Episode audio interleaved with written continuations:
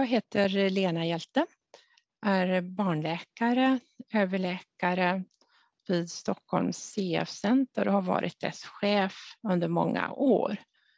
Eh, jag har också varit adjungerad professor vid Karolinska institutet, är numera delvis pensionerad men eh, fortfarande engagerad i framförallt forskningen vid cystisk fibros och det gäller då inte minst läkemedelsstudier. Thank you.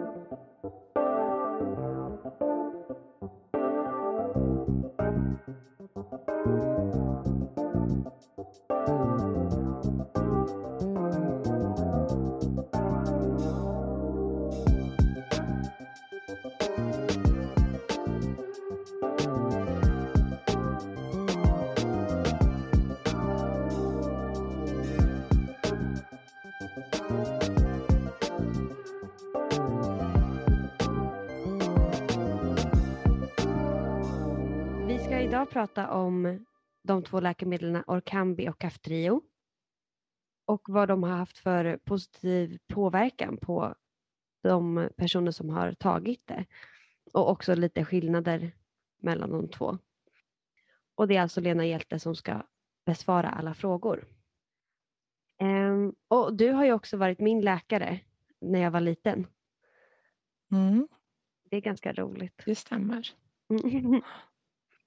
Ehm, men kan vi börja bara och reda ut vad som är skillnaden mellan Orkambi och Kaftrio? Mm. Och då skulle jag vilja gå tillbaka till eh, grundfelet. Eh, vi vet ju att ehm, genen eh, för det felaktiga proteinet vid cystisk fibros är stor det felaktiga proteinet innehåller 1480 aminosyror eh, och eh, det här proteinet kan bli fel på olika sätt beroende på hur genen, det vill säga receptet, ser ut. Och det kan bli så också att det inte blir något äggviteämne eller protein överhuvudtaget. Mm. Och det vanligaste felet är att det fattas en byggsten på plats 508. Och det finns 1480 byggstenar. Och det felet gör att eh, eh, äggviteämnet tillverkas inte på ett korrekt sätt. Eh, för den här byggstenen som fattas gör att äggviteämnet väckas inte korrekt och då kan det inte transporteras ut i cellmembranet där det ska ha sin funktion som en kloridkanal. Man tänker sig celler nästan som en fabrik med cellkärnan som eh, själva expeditionen eller företagshjärtat och eh, sen är det massa transportsystem och, och, och sånt i cellen. Eh, mm. Och sen har man, är det omslutet av cellmembran. Och normalt sett så ska alltså det här äggviteämnet eh, tillverkas och transporteras ut i cellmembranet.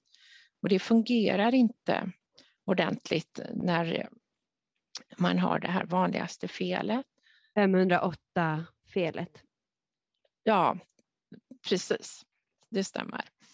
Eh, och då är det frågan, hur ska man då göra för att få det här bättre? Och när det gäller Orkambi så har man kommit fram till att det behövs en korrektor och en potentiator. En korrektor är ett, en substans som stagar upp det här äggviteämnet så att det eh, vad ska jag säga, kan fungera någorlunda normalt under transporten fram till eh, cellmembranet. Trots att det är veck, inte lika veckat, att det ändå fungerar? Ja, precis det styr upp det. Mm. Eh, men sen är det så att när det väl kommit dit då är det inte riktigt lika bra funktionellt som om det var helt korrekt. Och då behövs det en så kallad potentiator som får det att fungera bättre. Så att Orkambi består av en korrektor som stagar upp det så att det kan transporteras i cellmembranet och sen en potentiator som får det att fungera bättre. Och den här potentiatorn är samma som Kalydeco eh, som används för vissa andra mutationer, så kallade gating-mutationer. Så det, den delen fanns sedan tidigare.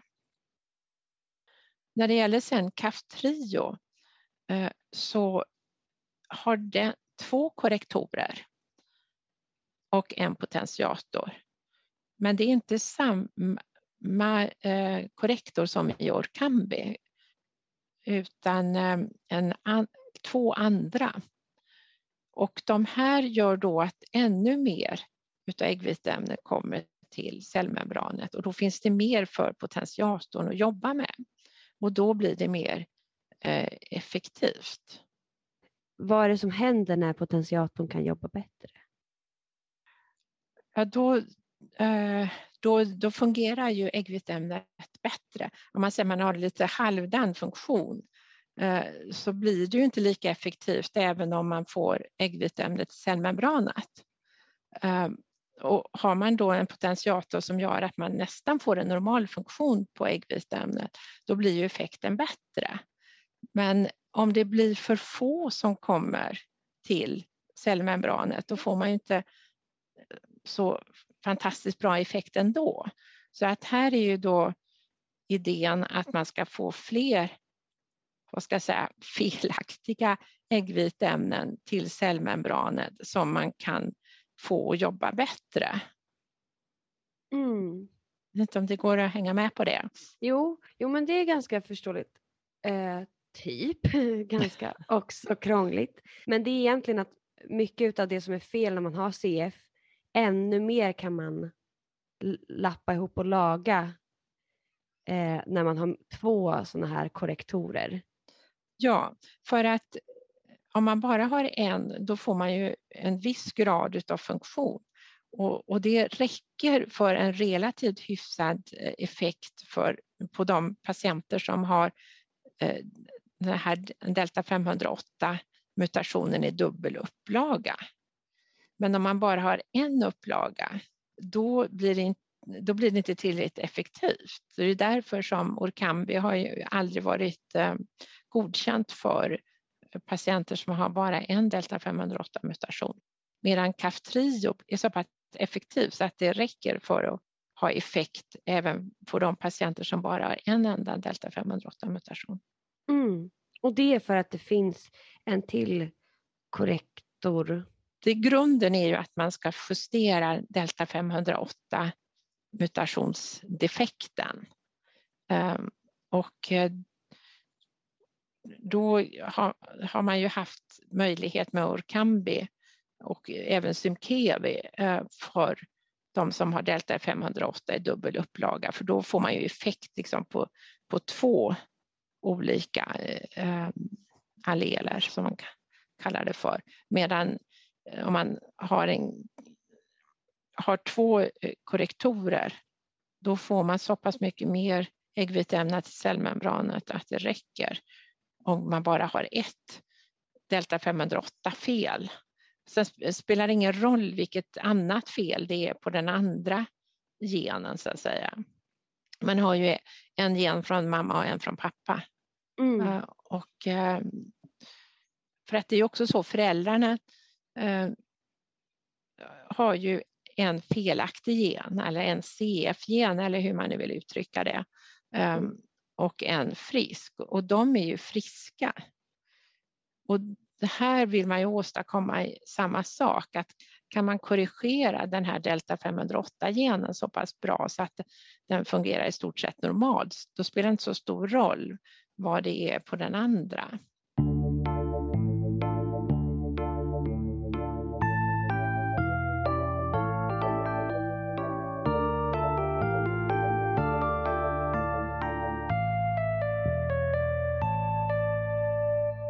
När vi pratar att ge bättre effekt, vad blir det för effekt av att ta Orkambi och Kaftrio?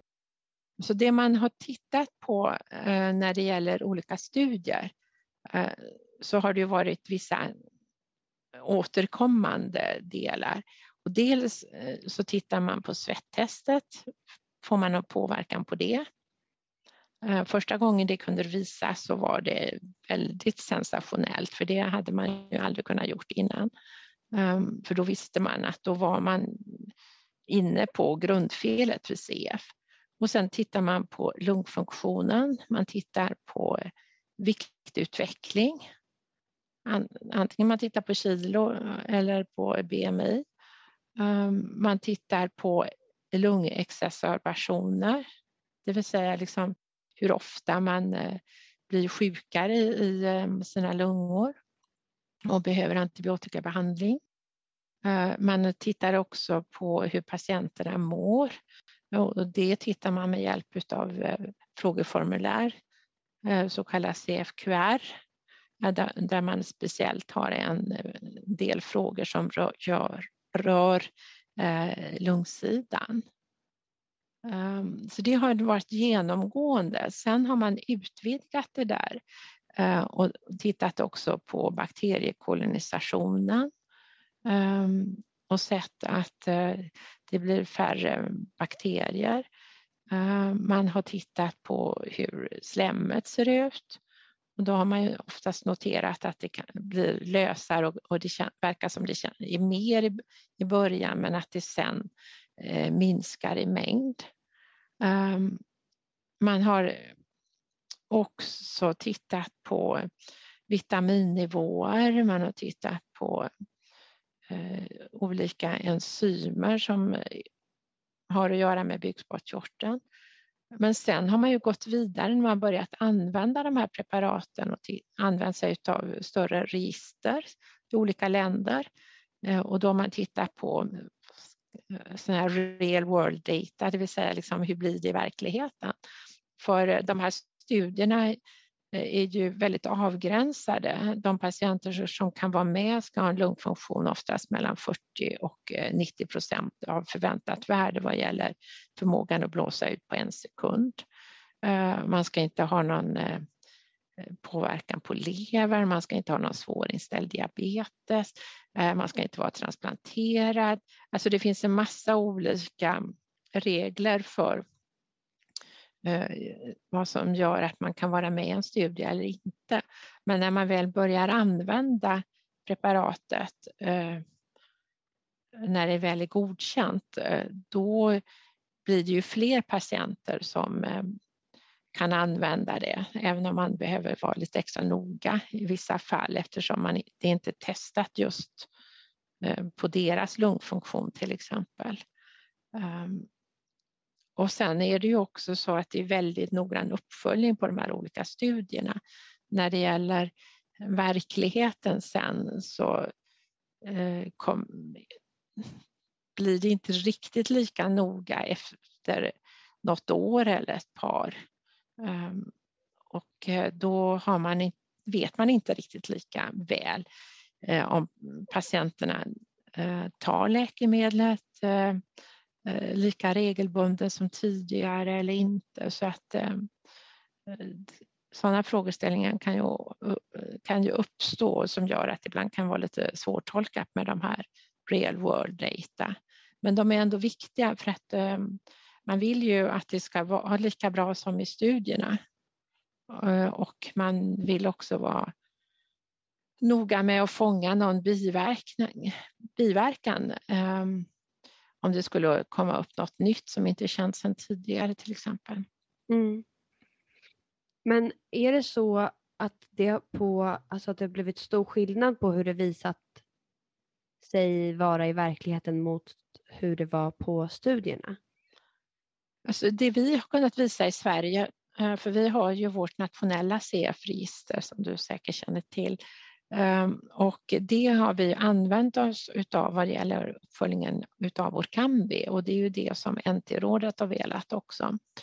Ehm, och eh, där har vi i princip inte sett eh, sämre resultat än i studierna och det är ju väldigt bra. Jättebra. Det har inte varit lika bra i alla länder som har gjort på samma sätt men, men i Sverige ser det lika bra ut i stort sett. Och det är ju toppen. Ja, det är jättebra.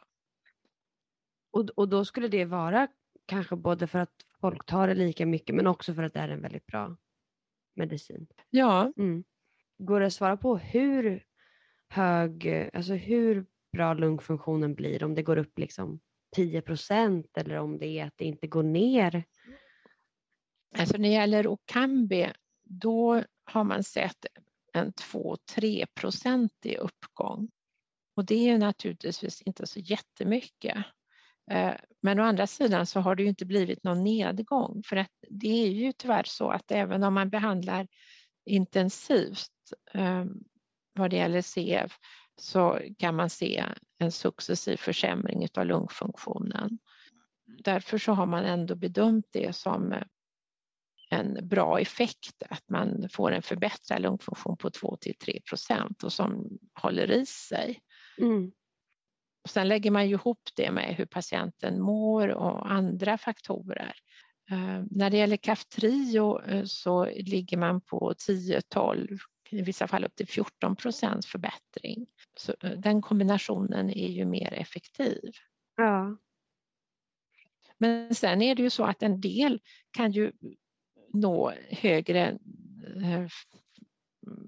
högre förbättring Eh, på Orkambi så att det är ju individuellt också.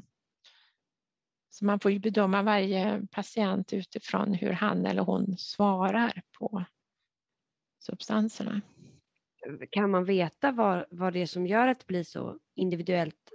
För jag menar med Orkambi så är det i alla fall att alla har samma mutationer som...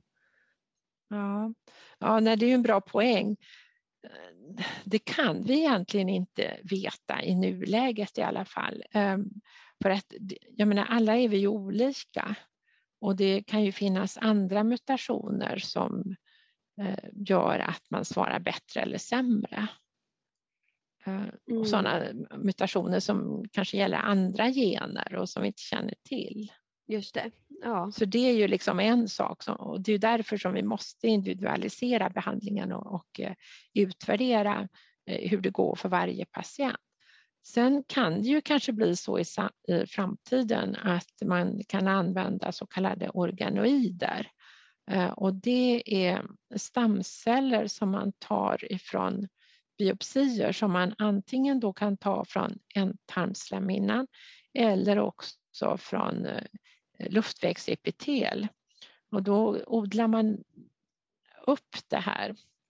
När det gäller organoiderna från rektalslemhinnan eller ändtarmslemhinnan, då blir det slags minitarmar som man tar stamceller ifrån och sen kan man testa eh, de olika substanserna eh, på dessa. Eh, och hittills så har man sett en korrelation till hur bra patienter svarar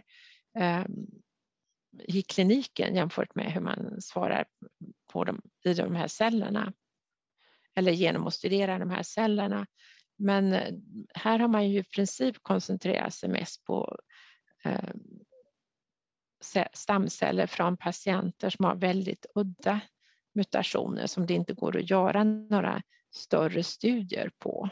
Mm. För det är alldeles för få patienter. Eh, men i en framtid så kanske man kan eh, testa så. Eh, och framförallt om vi skulle ha fler olika behandlingsmöjligheter, alltså olika typer utav kaftorer som vi kallar den här typen av preparat som vi nu använder för CF. Mm. Ehm, och liksom kunna säga att den här patienten skulle må bäst utav det här och någon annan någonting annat. Eh, men det som du var inne på, att man, att man kan svara olika, det är ju inte givet att man eh, på det här sättet då fångar upp andra mutationer i kroppen. Nej. Utan då, då får man nog testa i verkliga livet så att säga, och så får man pröva sig fram. Du sa också att man kunde se skillnad både med Orkambo och Kaftrio om hur ofta man drabbas av bakterie och eh, svampinfektioner? Jag, alltså, jag har inte sett några studier där man har jämfört Orkambo och Kaftrio vad det gäller eh, bakterier och svamp. Eh, men däremot att man tittar eh, på detta på de patienter som står på det, det ena eller det andra. Ehm, och eh, de rapporter som har kommit så har man ändå kunnat se att eh, eh, antalet bakterier eller svampar hos, olika, eller hos patienterna har minskat. Det finns ju inte några tydliga rapporter att ett visst antal procent har blivit av med det helt och hållet. Men jag tror att det kan vara lite för tidigt ehm, och, ha den typen av resultat. För har man ganska mycket lungförändringar från början och mycket bakterier eh, så tar det säkert tid innan man kan så att säga rensa upp. Eh, och eh, man får behandla i omgångar och förhoppningsvis då att det försvinner eller i alla fall reduceras ordentligt. Men vad man kunnat se det är ju att man har ju väldigt mycket färre exacerbationer så att det blir väldigt mycket mindre eller färre antibiotikakurer. Och det är ju ett indirekt tecken också att, att man inte har lika mycket bakterier eller eh, svamp. Ja precis. Det, det är ju jätte, jättebra förut för länge sedan när, när jag eh, pratade med människor om att det vore så bra med ett botemedel mot CF så var alltid svaret att ja men fortsätt eh, kämpa mycket för att man kommer inte kunna förändra det som redan finns.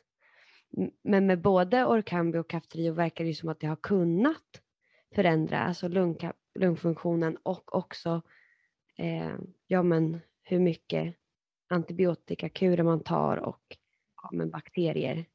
Och det är ju jättebra. Mm. Jo men det stämmer. Ehm, sen eh, är det klart att om man har mycket förändringar så att det har blivit mycket bindväv i lungan. Det kan, det är svårt att tänka sig att just det skulle försvinna men däremot så har man ju sett att en del bronkiektasier, det vill säga att luftvägarna har vidgats de kanske har ansamlingar av slem och bakterier och så vidare. Att till viss del så eh, kan en del bronkektasier gå tillbaka. Det var man inte helt säker på förut. Så det är också positivt.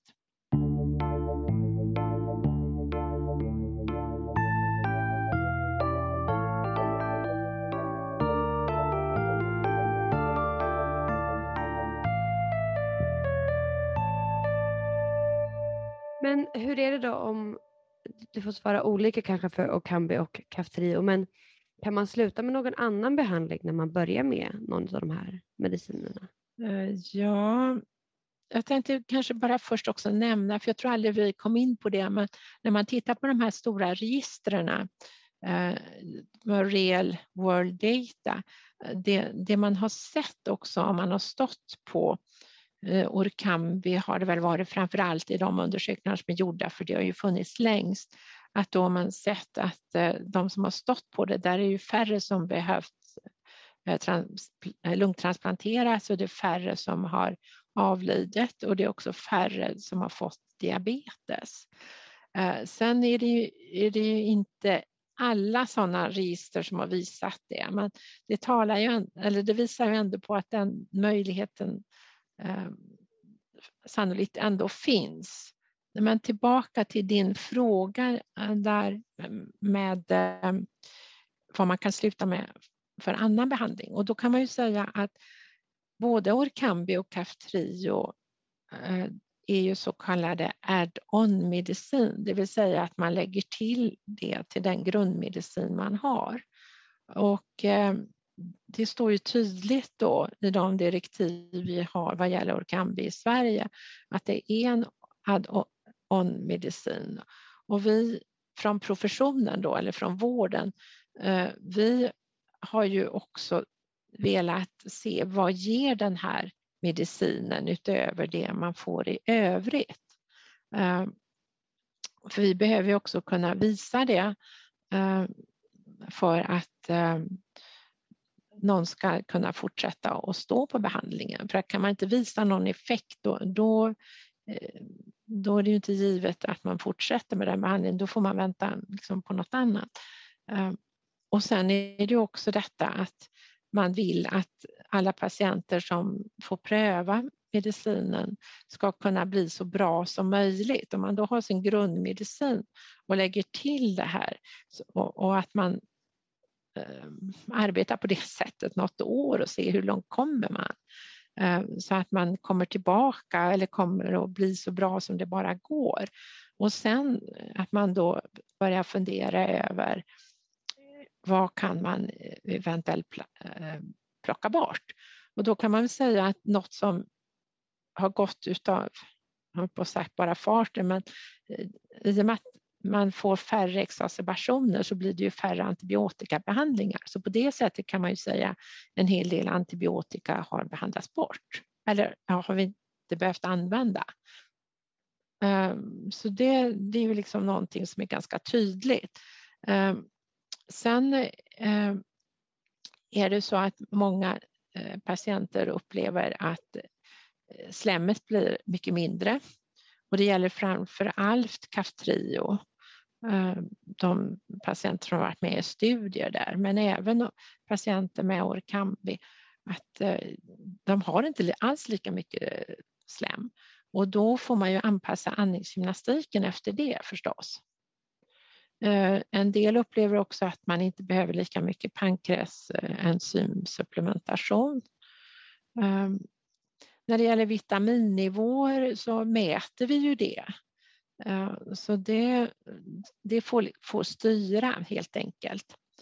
Men eh, man pratar ju mer och mer i världen om eh, eller CF-världen, att det är viktigt att kunna trappa ur medicin också för att det är ju en påfrestning att ha all denna behandling och då vill man ju att den verkligen ska behövas.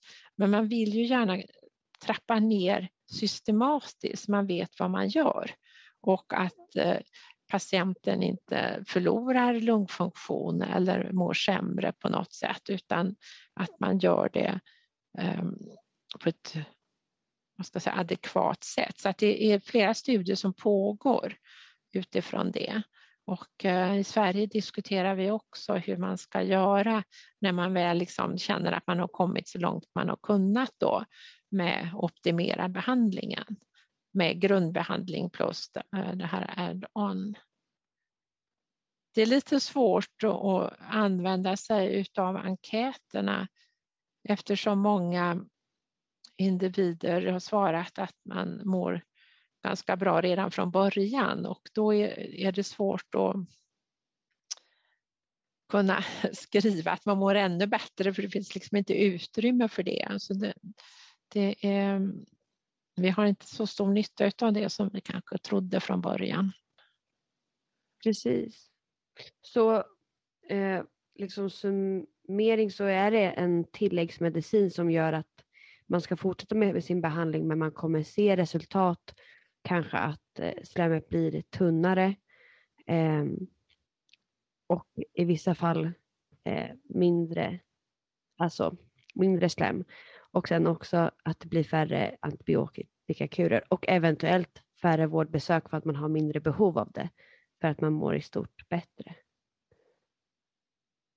Ja, det tycker jag är en bra sammanfattning för man vill först nå så bra, eh, ja, att det ska bli så bra som möjligt för varje enskild patient, att man når den högsta nivån och sen att man ska ligga kvar där och att man sen eh, successivt kan eh, trappa ut viss medicinering, men att man gör det på ett standardiserat sätt så man vet vad man håller på med. Men du pratade också om att man kunde se en viss eh, korrelation eh, med att inte få diabetes.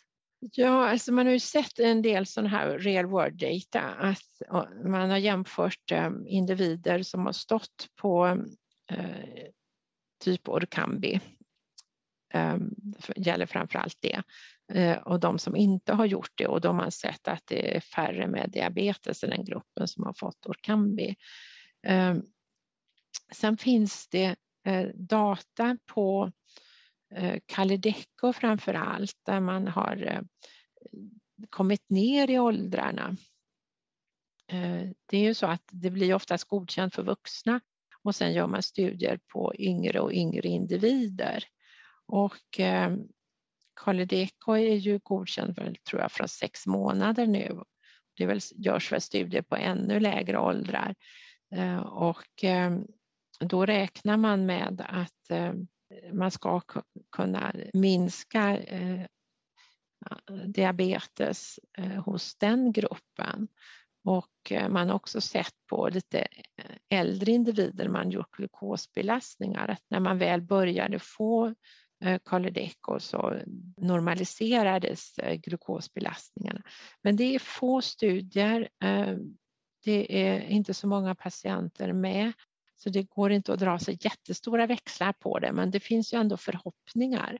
Mm. Och det mm. finns ju också förhoppningar om att om man kommer in riktigt tidigt eh, med behandling eh, så skulle man kunna bevara bukspottkörtelfunktionen hos en del individer.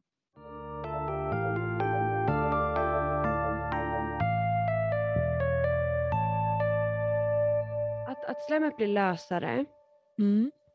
är det för att det är min, mindre salt i lungorna? Alltså de här ämnena de påverkar ju eh, saltbalansen och eh, det, och det gör det på ett sådant sätt att det kan binda mer vatten. Och då blir ju slemmet lösare. Mm. Och det blir det i hela kroppen? Ja. Och kan det förändra också hur lätt det är att bli gravid för både män och, och kvinnor? Ja, det är en väldigt bra fråga. Ehm, det, eh, rent teoretiskt skulle man ju kunna tänka sig, liksom, vad det gäller kvinnorna, att får man eh, det så kallade cervixsekretet, att det eh, blir mindre segt, då skulle ju spermierna kunna transporteras upp i livmodern ehm, eller via livmodershalsen då eh, lättare och då skulle man lättare bli gravid. Jag har inte sett några undersökningar på det eh, för att när det gäller fertilitet då har man koncentrerat sig på eh, att eh, ja, eh, detta att man inte vet så mycket påverkan på eh, ett blivande barn. Eh, så att eh, man har avrått från graviditet när man står på den här typen av preparat för att det finns så lite data. Eh, så att det är ju där man har lagt fokus. Nu säger man att eh, eh, när det gäller Orkambi att man får ta ställning till om någon vill bli gravid, om det är okej okay att sätta ut det eller om det är liksom farligare att sätta ut det än inte. Jag har inte sett någon rapport om att något barn som har fötts när någon har stått på Orkambi som har eh, haft några eh, defekter när det har fötts. Okay. Men det är ju inte så många barn som har fötts än så att det är ju um, lite skakiga data så att säga. Ja, och det här, alltså det här med att råden är att inte eh, få barn, är det både med Kaftrio och Orkambi? Ja, det är det. För man har, man har för lite data helt enkelt när man har eh, gjort djurstudier eh, och gett eh, de här preparaten till, det har varit råtta framför allt, och då har man gett det liksom sju eller elva gånger så höga doser och då har man sett att råttungarna blir mindre. Ah, ja. Så att det blir ju liksom en påverkan så, men då har det ju varit väldigt höga doser. Så att det, det vi pratar om nu då till exempel, det är ju liksom det som som är aktuellt för tillfället. Sen kan det ju ändra sig att det kommer ny information om någon vecka eller ett par månader eller så. Ja. Då får man ju ta ställning utifrån det. Det är lätt att glömma att, att det har gått ganska kort tid med både Orkambi och Kaftrio. Ja, nej, precis. Så det är därför som det inte finns så mycket data. Ehm, att, eh, men sen frågade du också vad gäller männen eh, och eh, där är det ju lite svårare kanske på ett sätt att svara för att, rent, för att där är det ju många barn när de väl föds, att de redan då kan ha en sädesledare som vi säger är att, eh, atretisk, det vill säga att den har liksom eh, redan klibbat ihop och blivit mer fibros. Och det eh, har jag svårt att se att det liksom skulle öppnas upp. Men om det bara är segt sekret eh, som gör att det liksom är tilltäppt, eh, då skulle man ju teoretiskt kunna tänka sig om man startar en behandling tidigt att det skulle eh, lösa upp det där. Mm. Men där finns, jag har inte sett någonting gjort på det eller så. Och det, jag vet inte riktigt då också hur tidigt man behöver komma in utan jag tror att det är först när man kan ge den här typen av behandling så fort något barn har diagnostiserats via nyföddhetsscreening Så man kan börja titta på, på det. Och sen kan det vara svårt att undersöka när man är så liten också så det kan ju också ta ett tag innan man kan göra riktiga undersökningar. Ehm, och då kommer det ju att dröja några år innan man vet. Du pratade ju lite om, om när man skulle börja med Orkambi och Kaftrio. Finns det någon, och eller Kaftrio ska jag säga, finns det någon åldersgräns på dem? Eh, som det är nu så är Orkambi godkänd från två år och, eh, eh, och äldre. Kaftrio är 12 år och äldre men där har företaget lämnat in en ansökan om att det ska bli godkänt även för dem mellan 6 och 11 år. Mm. Så att det är ju det här vad, vad eh, läkemedelsmyndigheterna godkänner, alltså FDA i USA och EMA, European Medical Agency i Europa. Men sen har det också att göra med att eh, läkemedlet kan bli subventionerat så att vi läkare kan skriva ut det. Så att det är en sak att det är godkänt i Europa men eh, när det gäller Kaftrio så är det ju inte förhandlat klart än så vi Nej. kan ju inte skriva ut det. Nej, det är ju en annan fråga. Det har vi faktiskt haft ett helt avsnitt om. Ja, okay, med två förstår. politiker.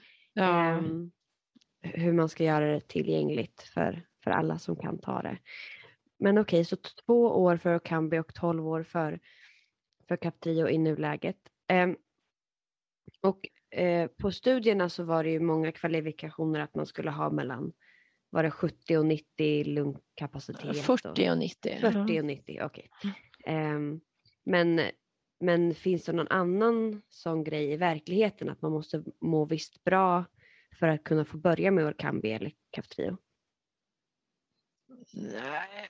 Eh, Alltså det som har varit eh, ett eh, problem det är väl i så fall patienter som är lungtransplanterade. Mm. Eh, för den typen av mediciner som man får då, där blir det ju en hel del interaktioner. Som vi pratade om tidigare, läkemedelsinteraktioner med de här kaftorerna. Det har varit lite lättare när man har varit levertransplanterad.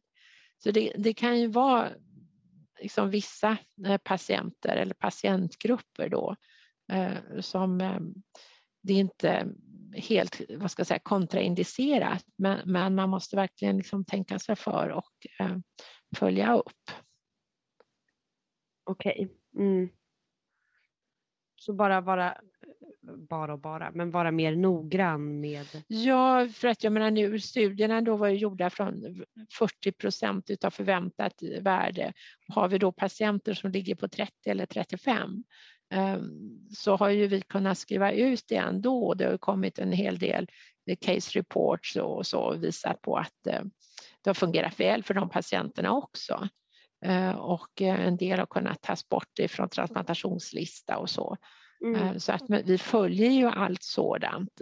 Ibland kan vi ju behöva extra tillstånd eh, eh, men det har inte varit något problem egentligen. Mm. Bra. Och eh, en sista fråga så är hur behandlingen ser ut för båda två. Vad är det för behandling? Ja, det är tabletter eh, som man tar morgon och kväll. Mm. Och det så är livet det, ut egentligen? Ja, eh, det är vad man vet nu i alla fall. Nej, men det är lite svårt att säga. Man, man tänker man börjar när man är riktigt liten och inte utvecklar några lungförändringar. Um, behöver man ha varje dag resten av livet eller är det så att uh, man kan ta varannan dag eller? Mm. Det, men det är inte kvar så länge i kroppen så det är inte så att om man tar det här läkemedlet så är det kvar i 14 dagar eh, innan det försvinner ut helt. Mm. Utan det här försvinner ut ganska snabbt. Men det är ingen som vet liksom framtiden. Jag tror man, man får ändå räkna med att det är livet ut tills vidare i alla fall. Mm. Sen kan det ju vara så att eh, man så småningom, och det vet jag studier pågår, att man kanske bara behöver ta det en gång om dagen.